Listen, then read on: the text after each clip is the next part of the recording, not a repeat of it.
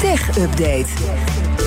Ja, ook een mooie traditie, de tech-update. Prachtige traditie. Ja, zeker. Stijn Gozens, goedemorgen. Gaat Stijn. nooit verloren. Goedemorgen. Nee, zeker niet. Eh, Twitter had gisteren eh, een flinke storing. En dat lag aan één medewerker. Ja, en dat was eigenlijk ook het probleem. Dat er maar één medewerker daarvoor verantwoordelijk was gemaakt. nou die massa-ontslagen? Ja, precies. Twitter-gebruikers die hadden gisteren urenlang last van eh, een storing. Daarbij wilden foto's niet laden en werkten linkjes niet. En de oorzaak bleek een, bleek een kleine verandering in de code... die communicatie tussen Twitter en andere platforms eh, normaal mogelijk maakt. Oh ja. Die verandering die vond weer plaats omdat Twitter gestopt is... met de gratis, gratis toegang voor externe apps met Twitter via de API. Ja. En aangezien Elon dus 90% van Twitter ontslagen heeft... werken er nu nog maar iets meer dan 500 mensen fulltime voor dat bedrijf. Eh, er was dus ook maar één enkele engineer verantwoordelijk... voor het project van dat afsluiten van die gratis toegang. En die wordt nu ontslagen. Ja, waarschijnlijk ook.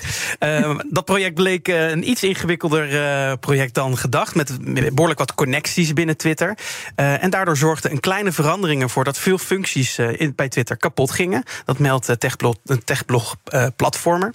Elon Musk natuurlijk boos. Eh, volgens hem is de code achter Twitter veel te instabiel. Ook al voordat hij eh, aankwam.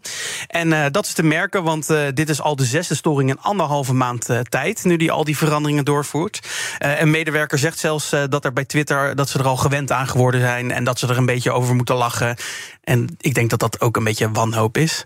Maar eh, ik verwacht dus dat er een Ja. boel storingen nog gaan komen. In Dat is weinig komende eh, tijd. goeds eh, voor de nabije En wat toekomst. elk geval. vacatures voor engineers. Ja. Lijken ook nuttig.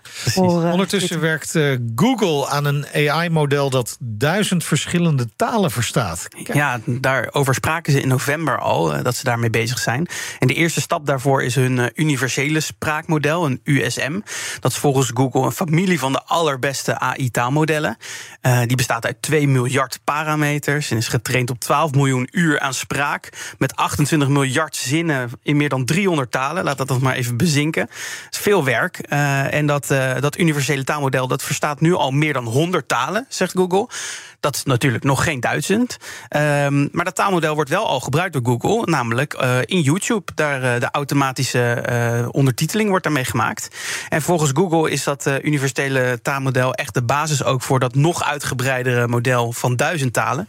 En nu ze dus al de honderd talen verstaan, zijn ze een stapje dichterbij. Wel briljant. Hè? Ik, bedoel, dat, Ik vind dat het is gewoon- onwijs knap. Je kent dat ding van Star Trek dat ze de universele vertaler hebben. Ja. Dachten ze al eh, in de jaren 60. Ja, dit, dit gaat wel werkelijkheid worden. werkelijkheid. Ja, en dat zal dan met zo'n AR-bril dan waarschijnlijk ook komen. Dat het, dus dat hebben ze ook al laten zien, dat ze dat willen. Dat je dus automatisch vertalingen gewoon in je beeld krijgt. Als er iemand in een gekke taal naar je praat. Dat Dan kan. kunnen wij gewoon Nederlands praten op vakantie.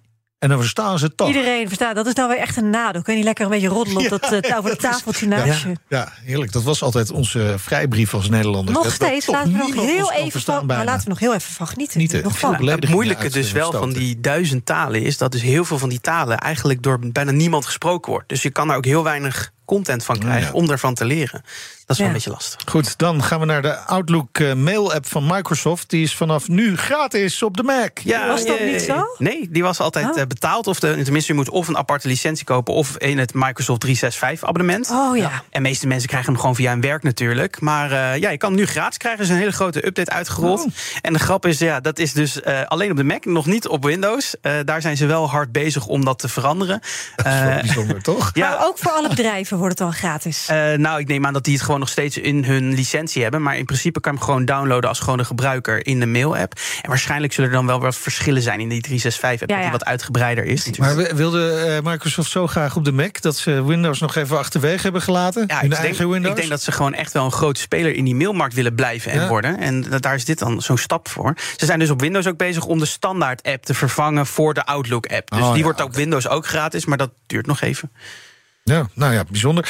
Eh, dan was er eh, die andere mail-app op iOS... Hè, Ja. die door ChatGPT niet meer welkom was eh, van Apple. Nee, ja, daar wilde ik toch nog even over berichten. Daar bericht ik namelijk vorige week over in de Ja. tech-update.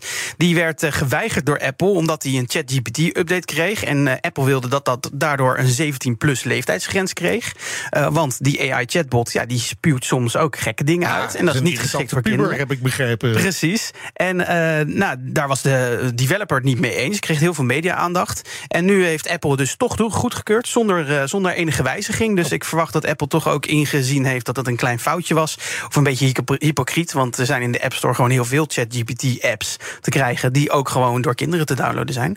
Dus we kunnen allemaal onze mailtjes typen in AI nu. Ja, wel even nalezen, want eh, anders krijg je puberale ja, dat lijkt me wel handig. Stuurt naar je baas bijvoorbeeld. En anders gaan de boze tieners ineens allemaal mailtjes sturen. Ja, Dankjewel, Stijn Goos. Dankjewel. De BNR Tech Update wordt mede mogelijk gemaakt door Lenklen. Lenklen. Betrokken expertise, gedreven resultaat. Eén jaar. Bij BNR ben je altijd als eerste op de hoogte van het laatste nieuws. Luister dagelijks live via internet. Jelle Maasbach. Wesley Weert. We zijn er voor je met het leukste, opvallendste, maar natuurlijk ook het belangrijkste nieuws. Tijdens de presentatie van die halfjaarcijfers toen die beurskoers in elkaar kukkelde. BNR Beurs. Voor de slimme belegger. Blijf scherp en mis niets.